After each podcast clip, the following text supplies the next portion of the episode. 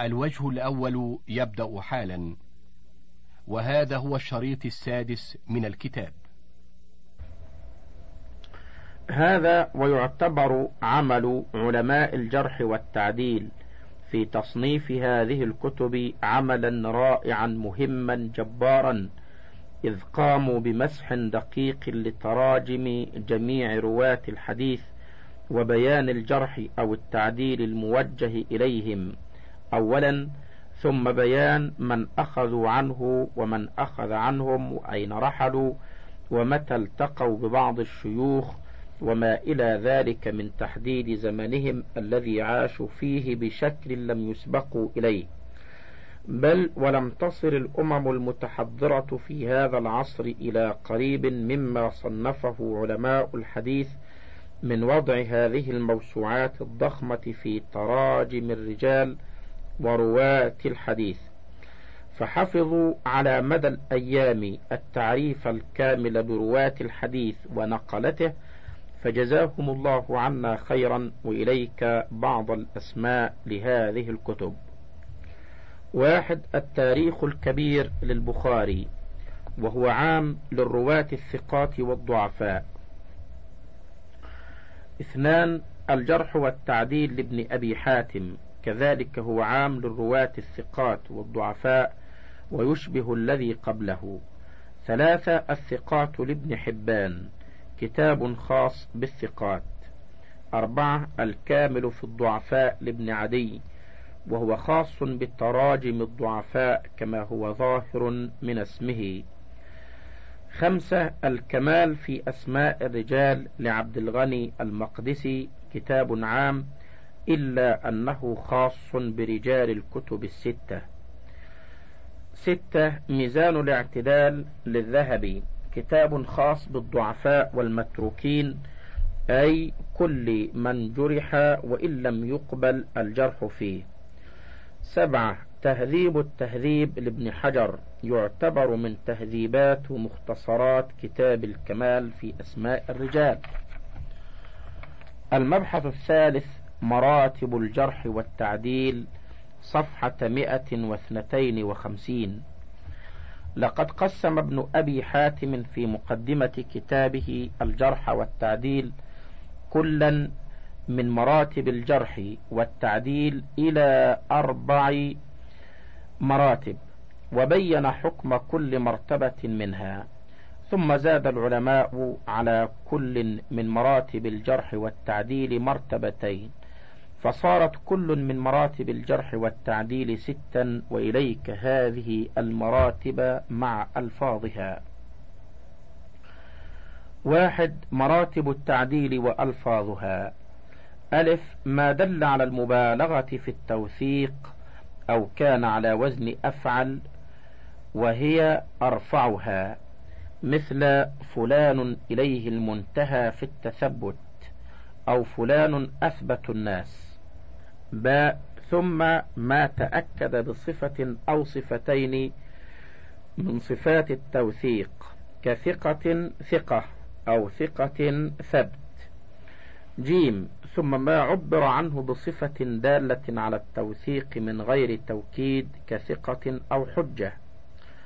دال ثم ما دل على التعديل من دون إشعار بالضبط كصدوق أو محله الصدق. أو لا بأس به عند غير ابن معين فإن لا بأس به إذا قالها ابن معين في الراوي فهو عنده ثقة.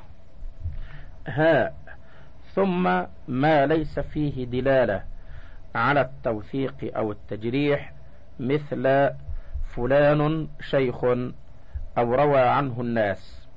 واو ثم ما أشعر بالقرب من التجريح مثل فلان صالح الحديث أو يكتب حديثه. اثنان حكم هذه المراتب. ألف أما المراتب الثلاث الأولى فيحتج بأهلها وإن كان بعضهم أقوى من بعض. باء وأما المرتبة الرابعة والخامسة فلا يحتج بأهلهما ولكن يكتب حديثهم ويختبر.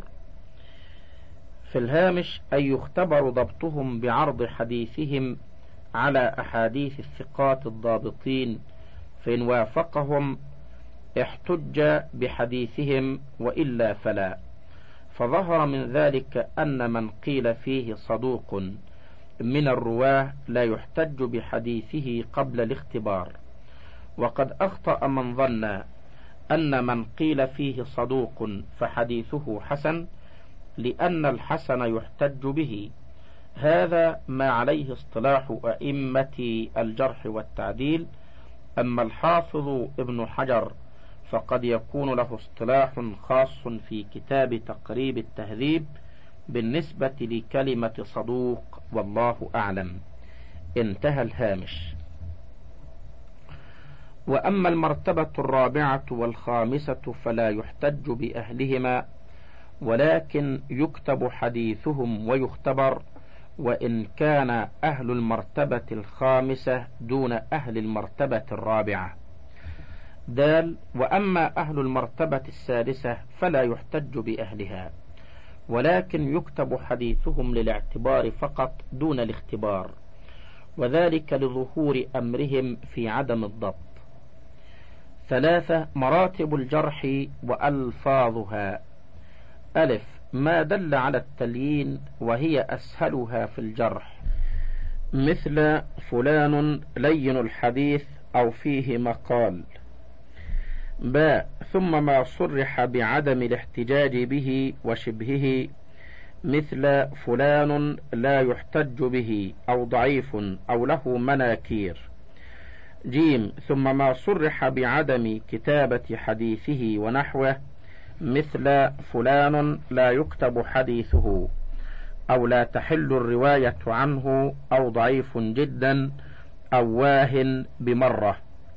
دال ثم ما فيه اتهام بالكذب أو نحوه مثل فلان متهم بالكذب أو متهم بالوضع أو يسرق الحديث أو ساقط أو متروك أو ليس بثقة.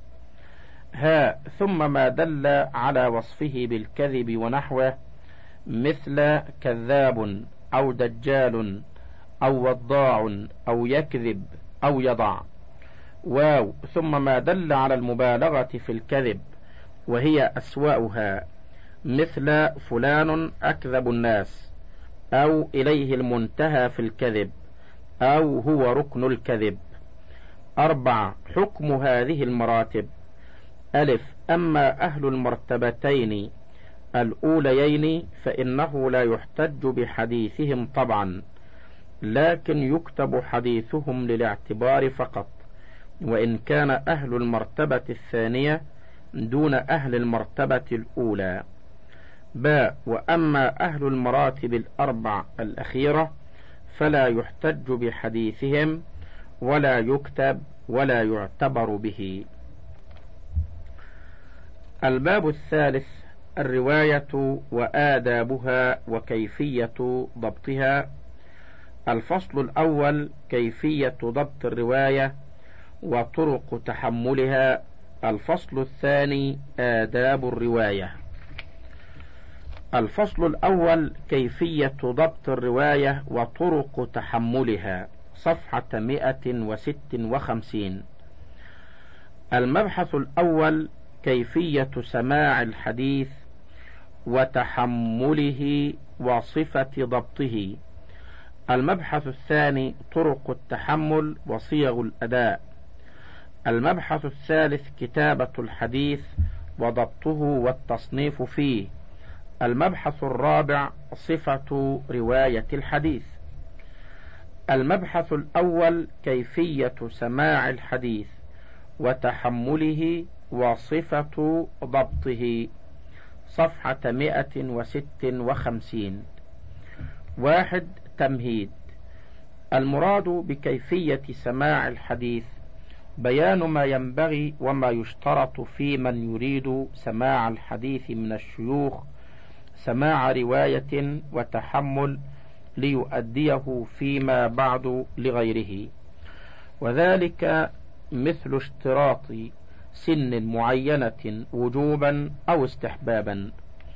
والمراد بتحمله بيان طرق أخذه وتلقيه عن الشيوخ والمراد ببيان ضبطه أي كيف يضبط الطالب ما تلقاه من الحديث ضبطا يؤهله لأن يرويه لغيره على شكل يطمئن إليه.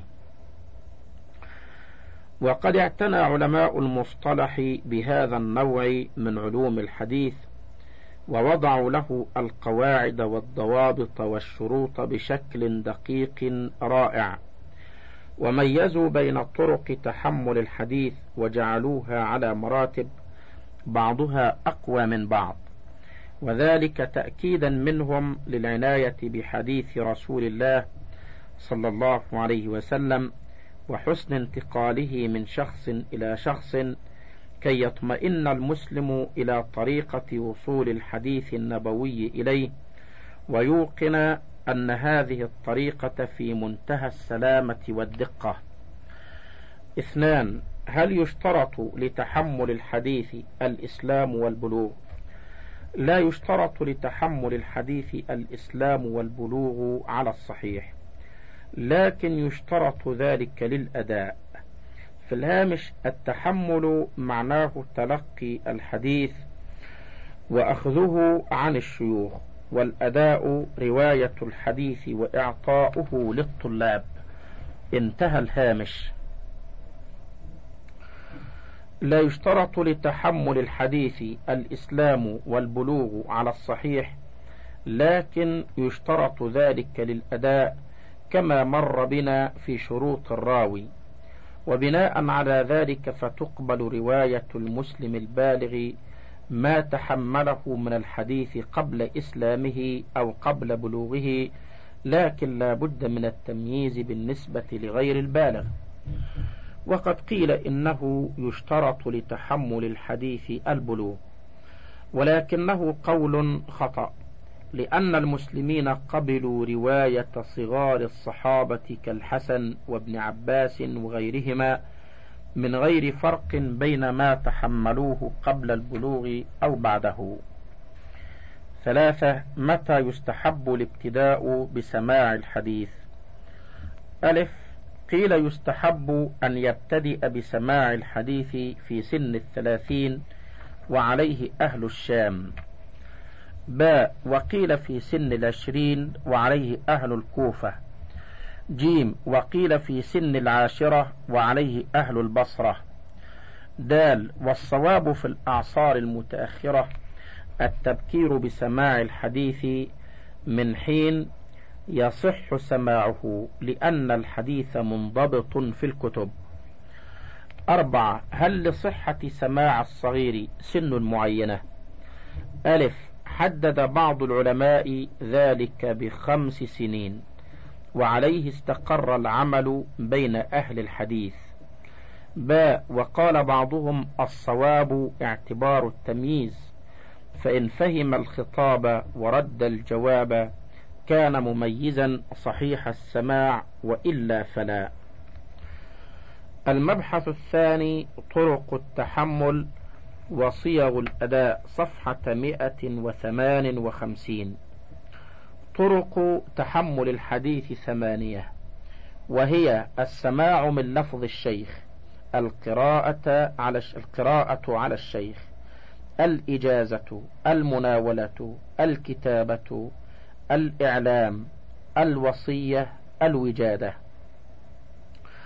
وسأتكلم على كل منها تباعا باختصار مع بيان ألفاظ الأداء لكل منها باختصار أيضا.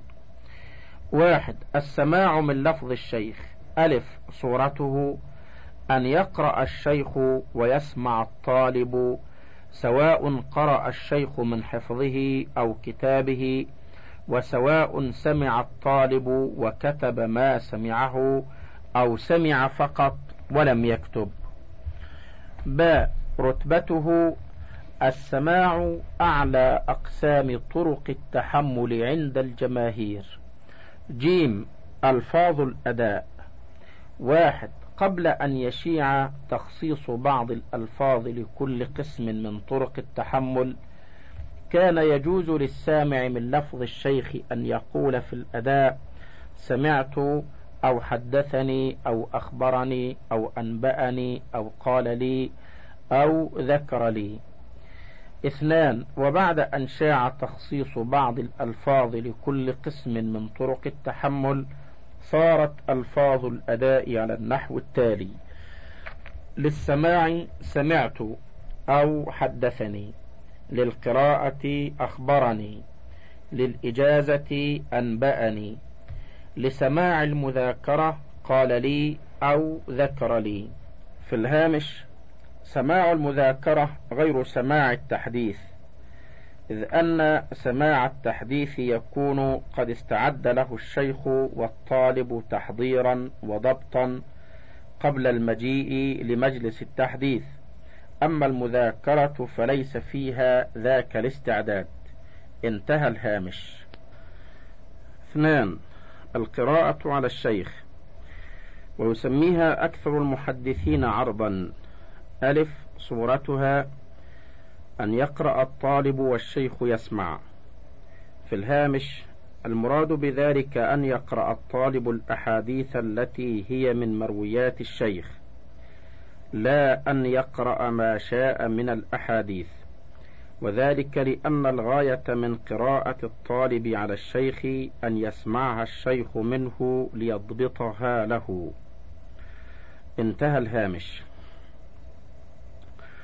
صورتها أن يقرأ الطالب والشيخ يسمع سواء قرأ الطالب أو قرأ غيره وهو يسمع وسواء كانت القراءة من حفظ أو من كتاب وسواء كان الشيخ يتبع للقارئ من حفظه أو أمسك كتابه هو أو ثقة غيره. ما حكم الرواية بها؟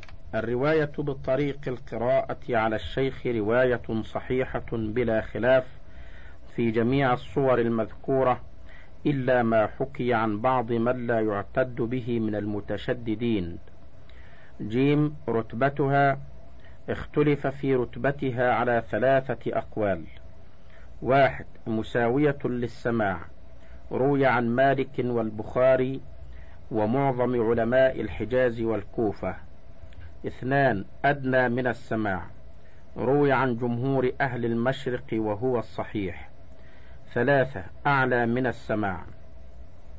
روي عن أبي حنيفة وابن أبي ذئب ورواية عن مالك. دال ألفاظ الأداء. واحد الأحوط. قرأت على فلان. أو قرئ عليه وأنا أسمع فأقر به. اثنان ويجوز بعبارات السماع مقيدة بلفظ القراءة كحدثنا قراءة عليه. ثلاثة الشائع الذي عليه كثير من المحدثين إطلاق لفظ أخبرنا فقط دون غيرها. ثلاثة الإجازة ألف تعريفها الإذن بالرواية لفظا أو كتابة. باء صورتها أن يقول الشيخ لأحد طلابه أجزت لك أن تروي عني صحيح البخاري. جيم أنواعها للإجازة أنواع كثيرة سأذكر منها خمسة أنواع وهي واحد أن يجيز الشيخ معينا لمعين كأجزتك صحيح البخاري. وهذا النوع أعلى أنواع الإجازة المجردة عن المناولة. اثنان أن يجيز معينا بغير معين كأجزتك رواية مسموعاتي. ثلاثة أن يجيز غير معين بغير معين كأجزت أهل زمان رواية مسموعاتي. أربعة أن يجيز بمجهول أو لمجهول. كأجزتك كتاب السنن وهو يروي عددا من السنن. أو أجزت لمحمد بن خالد الدمشقي وهناك جماعة مشتركون في هذا الاسم. خمسة الإجازة للمعدوم. فإما أن تكون تبعا لموجود كأجزت لفلان ولمن يولد له. وإما أن تكون لمعدوم استقلالا كأجزت لمن يولد لفلان. دال حكمها. أما النوع الأول منها فالصحيح الذي عليه الجمهور واستقر عليه العمل جواز الرواية والعمل بها وأبطلها جماعات من العلماء وهو إحدى الروايتين عن الشافعي. وأما بقية الأنواع فالخلاف في جوازها أشد وأكثر. وعلى كل حال فالتحمل والرواية بهذا الطريق أي الإجازة تحمل هزيل ما ينبغي التساهل فيه. ها ألفاظ الأداء. ألف الأولى أن يقول أجاز لي فلان اثنان ويجوز بعبارات السماع والقراءة مقيدة مثل حدثنا إجازة أو أخبرنا إجازة.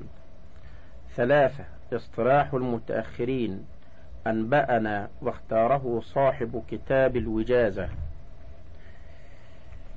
في الهامش هو أبو العباس الوليد بن بكر المعم المعمر. المعمري واسم كتابه الكامل الوجازة في تجويز الإجازة. انتهى الهامش. أربعة المناولة. ألف أنواعها. المناولة نوعان. واحد مقرونة بالإجازة. وهي أعلى أنواع الإجازة مطلقا. ومن صورها أن يدفع الشيخ إلى الطالب كتابه ويقول له هذا روايتي عن فلان فروه عني. ثم يبقيه معه تمليكا أو إعارة لينسخه. اثنان مجردة عن الإجازة وصورتها أن يدفع الشيخ إلى الطالب كتابه مقتصرا على قوله هذا سماعي. باء حكم الرواية بها. واحد أما المقرونة بالإجازة فتجوز الرواية بها وهي أدنى مرتبة من السماع والقراءة على الشيخ. اثنان وأما المجردة عن الإجازة فلا تجوز الرواية بها على الصحيح. جيم ألفاظ الأداء. واحد الأحسن أن يقول ناولني أو ناولني وأجاز لي إن كانت المناولة مقرونة بالإجازة. اثنان ويجوز بعبارات السماع والقراءة مقيدة مثل حدثنا مناولة أو أخبرنا مناولة وإجازة. خمسة الكتابة. ألف صورتها أن يكتب الشيخ مسموعه لحاضر أو غائب بخطه أو أمره. باء أنواعها وهي نوعان. ألف مقرونة بالإجازة كاجزتك ما كتبت لك أو إليك ونحو ذلك. اثنان مجردة عن الإجازة كأن يكتب له بعض الأحاديث ويرسلها له ولا يجيزه بروايتها. جيم حكم الرواية بها. واحد أما المقرونة بالإجازة فالرواية بها صحيحة. وهي في الصحة والقوة كالمناولة المقرونة. اثنان وأما المجردة عن الإجازة فمنع الرواية بها قوم وأجازها آخرون. والصحيح الجواز عند أهل الحديث لإشعارها بمعنى الإجازة. دال هل تشترط البينة لاعتماد الخط؟ واحد اشترط بعضهم البينة على الخط. وادعوا أن الخط يشبه الخط وهو قول ضعيف. اثنان ومنهم من قال يكفي معرفة المكتوب إليه خط الكاتب لأن خط الإنسان لا يشتبه بغيره وهو الصحيح. ها ألفاظ الأداء. واحد التصريح بلفظ الكتابة كقوله كتب إلي فلان. اثنان أو الإتيان بألفاظ السماع والقراءة مقيدة كقوله حدثني فلان أو أخبرني كتابة. ستة الإعلام. ألف صورته أن يخبر الشيخ الطالب أن هذا الحديث أو هذا الكتاب سماعه. باء حكم الرواية به. اختلف العلماء في حكم الرواية بالإعلام على قولين. واحد الجواز. كثير من أصحاب الحديث والفقه والأصول. اثنان عدم الجواز. غير واحد من المحدثين وغيرهم وهو الصحيح. لأنه قد يعلم الشيخ أن هذا الحديث روايته لكن لا تجوز روايته لخلل فيه. نعم لو أجازه بروايته جازت روايته. جيم. ألفاظ الأداء. يقول في الأداء أعلمني شيخي بكذا. سبعة الوصية. ألف. صورتها أن يوصي الشيخ عند موته أو سفره لشخص بكتاب من كتبه التي يرويها. باء. حكم الرواية بها. واحد الجواز لبعض السلف وهو غلط لأنه أوصى له بالكتاب ولم يوص له بروايته. اثنان عدم الجواز وهو الصواب. جيم ألفاظ الأداء. يقول أوصى إلي فلان بكذا أو حدثني فلان وصية. ثمانية الوجادة بكسر الواو. مصدر وجد وهذا المصدر مولد غير مسموع من العرب. ألف صورتها أن يجد الطالب أحاديث بخط شيخ يرويها يعرفه ذلك الطالب وليس له سماع منه ولا إجازة. باء حكم الرواية بها الرواية بالوجادة من باب المنقطع لكن فيها نوع اتصال. جيم ألفاظ الأداء. يقول الواجد وجدت بخط فلان أو قرأت بخط فلان كذا. ثم يسوق الإسناد والمتن. المبحث الثالث كتابة الحديث. وضبطه والتصنيف فيه. وخمس وستين. في الهامش سأبحث هذا الموضوع باختصار لأن كثيرا من قواعد الكتابة والتصحيح صارت من مهمة المحقق والطابع في هذا الزمان وتبقى تلك التفصيلات للمتخصصين في هذا الفن لمعرفة اصطلاح القوم في كتابة النسخ المخطوطة القديمة وغير ذلك من الاعتبارات. انتهى الهامش. واحد حكم كتابة الحديث. اختلف السلف من الصحابة والتابعين في كتابة الحديث على أقوال. ألف فكرهها بعضهم. منهم ابن عمر وابن مسعود وزيد بن ثابت. باء وأباحها بعضهم. منهم عبد الله بن عمرو وأنس وعمر بن عبد العزيز وأكثر الصحابة. جيم. ثم أجمعوا بعد ذلك على جوازها. وذال الخلاف ولو لم يدون الحديث في الكتب لضاع في الأعصار المتأخرة لا سيما في عصرنا. اثنان سبب الاختلاف في حكم كتابته. وسبب الخلاف في حكم كتابته أنه وردت أحاديث متعارضة في الإباحة والنهي. فمنها ألف حديث النهي ما رواه مسلم أن رسول الله صلى الله عليه وسلم قال لا تكتبوا عني شيئا إلا القرآن ومن كتب عني شيئا غير القرآن فليمحه. باء حديث الإباحة ما أخرجه الشيخان أن رسول الله صلى الله عليه وسلم قال اكتبوا لأبي شاه. وهناك أحاديث أخرى في إباحة الكتابة منها الإذن لعبد الله بن عمرو. ثلاثة الجمع بين أحاديث الإباحة والنهي. لقد جمع العلماء بين أحاديث النهي والإباحة على وجوه منها. ألف قال بعضهم الإذن بالكتابة لمن خيف نسيانه للحديث. والنهي لمن أمن النسيان وخيف عليه اتكاله على الخط إذا كتب. انتهى الوجه الأول